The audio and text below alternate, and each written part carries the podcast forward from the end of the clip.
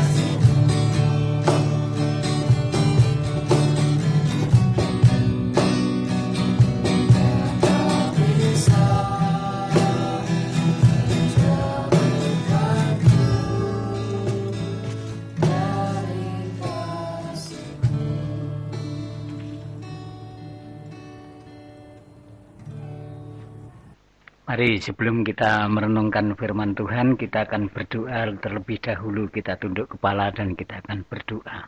Bapa di surga, kami datang kepadamu mengucap syukur sore malam hari ini. Kami kembali boleh memuji, memuliakan Engkau, bahkan mendengarkan sabdamu melalui layanan online ini. Tuhan mengurapi kami, kuasa roh kudus bekerja membuka hati pikiran kami, agar kami diperlengkapi dengan sabdamu di tengah-tengah kami menghadapi wabah virus ini. Supaya kami dituntun, disegarkan oleh firman-Mu. Dalam nama Tuhan Yesus Kristus kami berdoa dan mengucap syukur haleluya. Amin.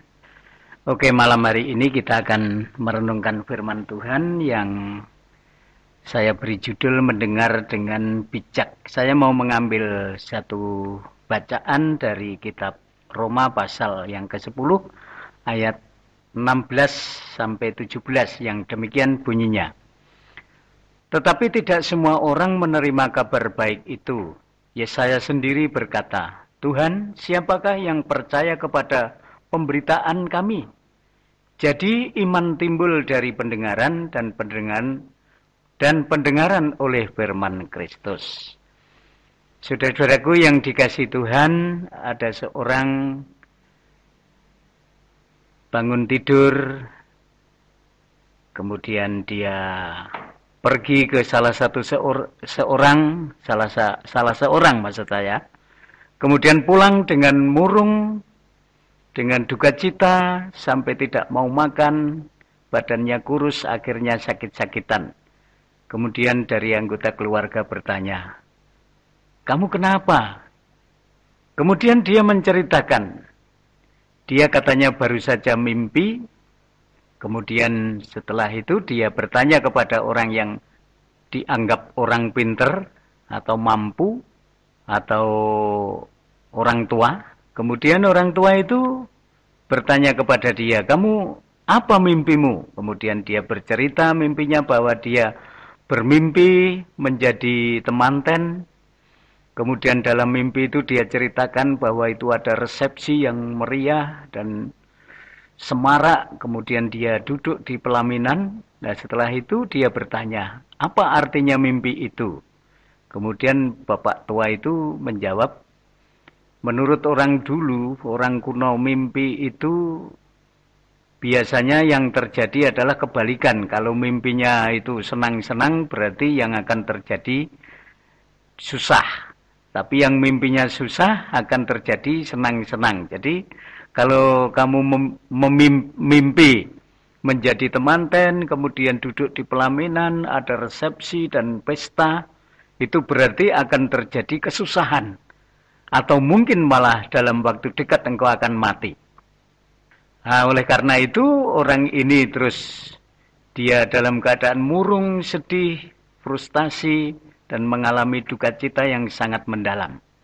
Saudara-saudara yang dikasih Tuhan, apa yang kita dengar itu akan mempengaruhi sikap hidup kita. Atau apa yang kita dengar akan berdampak dalam hidup kita. Rasul Paulus menuliskan, iman timbul dari pendengaran, pendengaran akan firman Allah. Kita sering tidak beriman. Banyak orang sering lemah imannya atau mungkin saudara dan saya juga pernah mengalami kurang beriman karena kita mendengar sesuatu yang salah. Artinya, yang kita dengar adalah hal-hal yang bukan merupakan kebenaran. Coba perhatikan apa yang sering kita dengar dalam kehidupan sehari-hari. Kita sering lebih suka mendengar cerita khayalan, dongeng, takayul, dan ramalan ada ramalan bintang, itu yang sering disebut astrologi. Ramalan garis tangan, ramalan berdasarkan hari kelahiran. Kemudian cerita-cerita horor yang menakutkan. Nah itu akan mempengaruhi atau berdampak dalam kehidupan kita. Kita terpengaruh dari apa yang kita dengar. Memang kita mendengar cerita yang demikian lebih menarik, lebih asik walaupun dasarnya sesungguhnya hanya katanya, bukan ada dasar kebenaran. Orang akan lebih tertarik, lebih penasaran, tetapi tidak sadar bahwa itu akan berdampak buruk bagi kehidupannya. Cerita-cerita dongeng, cerita-cerita khayalan, cerita-cerita horor itu akan menyesatkan karena tidak berdasarkan kebenaran. Menimbulkan rasa takut, khawatir, duka cita, was-was, frustasi, dan lain-lain. Bahkan akan menjauhkan kita dari Tuhan dan kita tidak semakin percaya kepada firman Tuhan, malah lebih percaya kepada cerita-cerita ramalan yang tidak berdasar itu. Lebih baik kita mendengar dengan bijak. Apa yang harus kita dengar? Mari kita lebih baik mendengar firman Tuhan, itu lebih bermanfaat. Karena firman Tuhan adalah kebenaran. Itu bukan berdampak e, buruk, tetapi akan berdampak dalam kehidupan kita yang baik. Ketika kita mendengar firman Tuhan, kita akan disegarkan jiwanya. Hati kita akan dihiburkan, iman kita semakin dikuatkan dan bertumbuh dewasa. Kita akan mendapat pengajaran, kita diperbaiki kelakuannya. Memang kadang-kadang firman Tuhan menegur, tetapi bukan berarti bertujuan untuk menghancurkan atau mencela hidup kita. Tetapi kalau firman Tuhan menegur kita, berarti punya tujuan supaya kita lebih baik, bukan supaya kita hancur. Mari kita bandingkan dengan tulisan Paulus yang mengatakan bahwa pada akhir zaman banyak orang yang tidak mau mendengar firman Tuhan, malah mendengar dongeng dalam Surat 2 Timotius pasal 4 ayat 1 sampai yang kelima yang mengatakan demikian. Timotius 2 Timotius pasal 4 ayat 1 sampai 5. Di hadapan Allah dan Kristus Yesus yang akan menghakimi orang hidup dan orang mati, aku berpesan dengan sungguh-sungguh kepadamu demi penyataannya dan demi kerajaannya. Beritakanlah firman, siap sedialah baik atau tidak baik waktunya Nyatakanlah apa yang salah, tegurlah dan nasihatilah dengan segala kesabaran dan pengajaran. Karena akan datang waktunya orang tidak dapat lagi menerima ajaran sehat, tetapi mereka akan mengumpulkan guru-guru menurut kehendaknya untuk memuaskan keinginan telinganya. Mereka akan memalingkan telinganya dari kebenaran dan membukanya bagi dongeng. Tetapi kuasailah dirimu dalam segala hal, Sabarlah menderita, lakukanlah pekerjaan pemberitaan Injil, dan tunaikanlah tugas pelayananmu. Dalam surat ini Paulus berpesan dengan sungguh-sungguh kepada Timotius, supaya Timotius memberitakan firman. Supaya jemaat di Efesus bukan mendengar dongeng-dongeng, tetapi mendengar firman Tuhan. Mengapa pesan ini penting harus dilakukan oleh Timotius karena kita semua akan dihakimi dengan uh, berdasarkan perbuatan kita. Ketika kita tidak hidup menurut firman Tuhan berarti menyimpang dari kebenaran firman Tuhan, kita akan mendapatkan penghakiman di sana. Tuhan akan menghakimi orang-orang hidup dan orang yang mati, artinya orang-orang mati dibangkitkan dan dihakimi lagi. Tetapi penghakiman ini tidak berbicara tentang kita masuk surga atau neraka, tetapi penghakiman untuk menerima pahala atau kehilangan pahala. Tetapi semua itu berdasarkan kehidupan kita selama di dunia ini ketika kita melakukan firman Tuhan. Nah, bagaimana kita bisa melakukan firman Tuhan? Mestinya kita rajin mendengarkan firman Tuhan. Kemudian yang mengapa ini penting firman Tuhan harus diberitakan supaya didengar banyak orang karena akan datang waktunya orang tidak akan dapat lagi menerima ajaran sehat. Di dalam ayat 3 dikatakan. Kemudian mereka tidak lagi menyukai firman. Menganggap firman Tuhan itu cerita kuno. Yang tidak lagi masuk akal kurang tren, tidak mengikuti per, perkembangan zaman, dan lain sebagainya. Kemudian mereka akan lebih menyukai dongeng, cerita yang lucu, cerita tentang alam gaib, alam roh, yang sebenarnya justru itulah yang tidak masuk akal.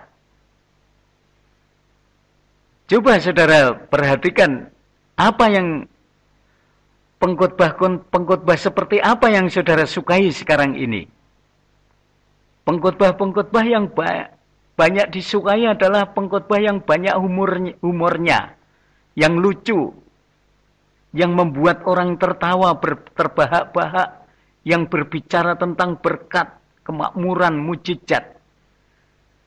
Tetapi lupa bahwa firman Tuhan itu berbicara secara holistik. Tidak hanya berbicara tentang berkat, tidak berbicara tentang penghiburan saja, tetapi juga berbicara tentang bagaimana kita bertahan dalam penderitaan. Kita tetap beriman walaupun di tengah-tengah virus COVID-19. Khotbah yang bercorak pengajaran, teguran, penderitaan, pencobaan, banyak dijauhi oleh orang, tidak disukai. Karena memang itulah tanda-tanda zaman akhir, bahwa banyak orang akan tidak menyukai kebenaran. Alkitab berbicara tentang pengajaran yang lengkap. Semua diajarkan, semua bermanfaat. Ada satu ilustrasi sederhana ketika kita mengikuti lomba tujuh belasan. Ada satu lomba yang menarik yaitu main bola tetapi mukanya ditutup dengan torong yang suka untuk menuang air atau minyak. Jadi hanya bisa meluh, melihat melalui lubang yang sangat kecil. Kemudian orang akan mencari bola dengan penglihatan yang dari lubang yang sangat kecil itu. Sehingga ketika pemain turun di lapangan, mereka melihat bola hanya sepertiga hanya separuh. Kadang-kadang hanya persentasenya sangat kecil. Tidak pernah bisa melihat utuh. Nah, itulah yang terjadi.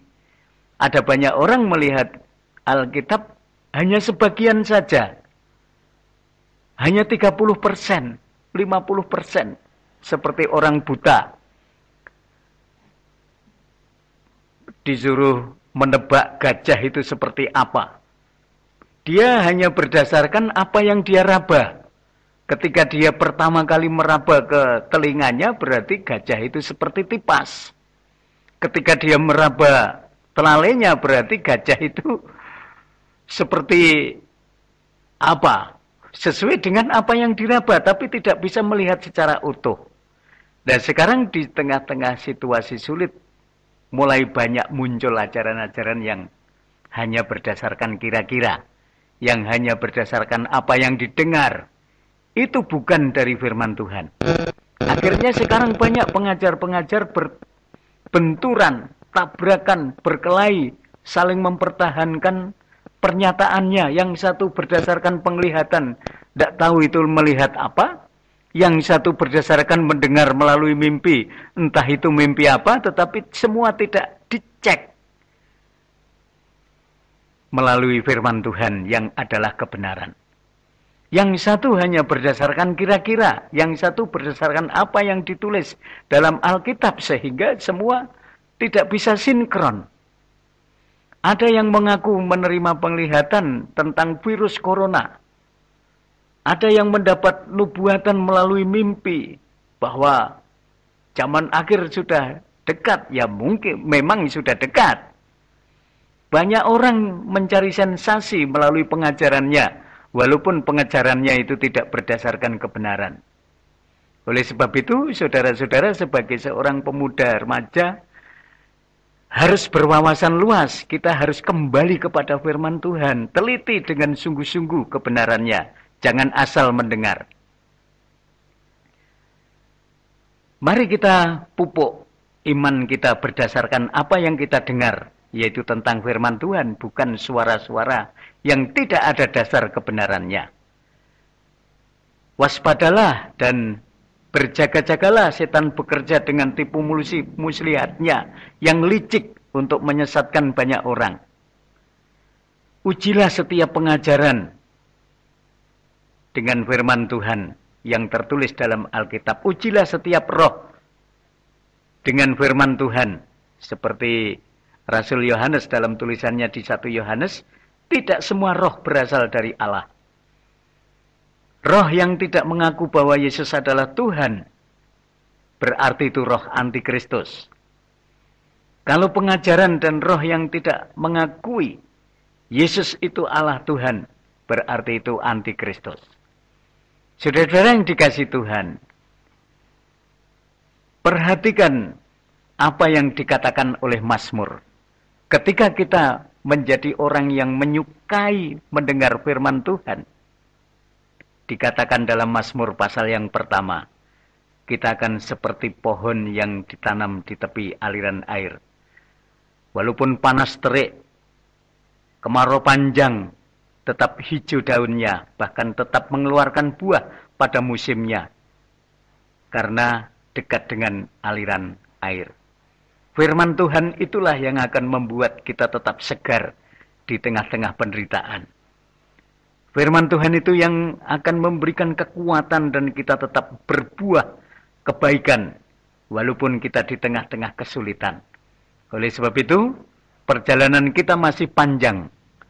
Hati-hati supaya saudara tidak tersesat. Mendengarlah dengan bijak. Dengarlah firman Tuhan, bukan dongeng. Puji Tuhan, Tuhan memberkati. Mari kita akan berdoa. Bapak Surgawi kami bersyukur untuk renungan singkat pada sore malam hari ini kiranya memberkati kami semua. Berilah kami hati yang bijaksana untuk menilai setiap pengajaran yang kami terima, kami dengar, kami baca.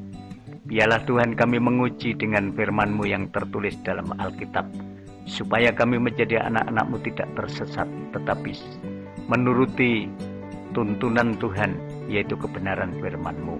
Berkatilah seluruh anak-anakmu, pemuda remaja yang sedang meniti jalan hidup. Tuhan tolong, Tuhan bimbing untuk tidak menyimpang ke kanan ataupun ke kiri daripada firman-Mu. Agar mereka terus dituntun di dalam kebenaran Tuhan. Terima kasih Bapak, kami bersyukur atas renungan ini kami terima bersama-sama di dalam nama Tuhan Yesus Kristus. Haleluya. Amin. Terima kasih Bapak Gembala, firman yang sangat memberkati. Yeay, benar sekali. Kita harus lebih percaya firman Tuhan ya guys. Terlebih merenungkannya dan tentu saja melakukannya dalam kehidupan sehari-hari. Jangan lupa. Ya, betul sekali.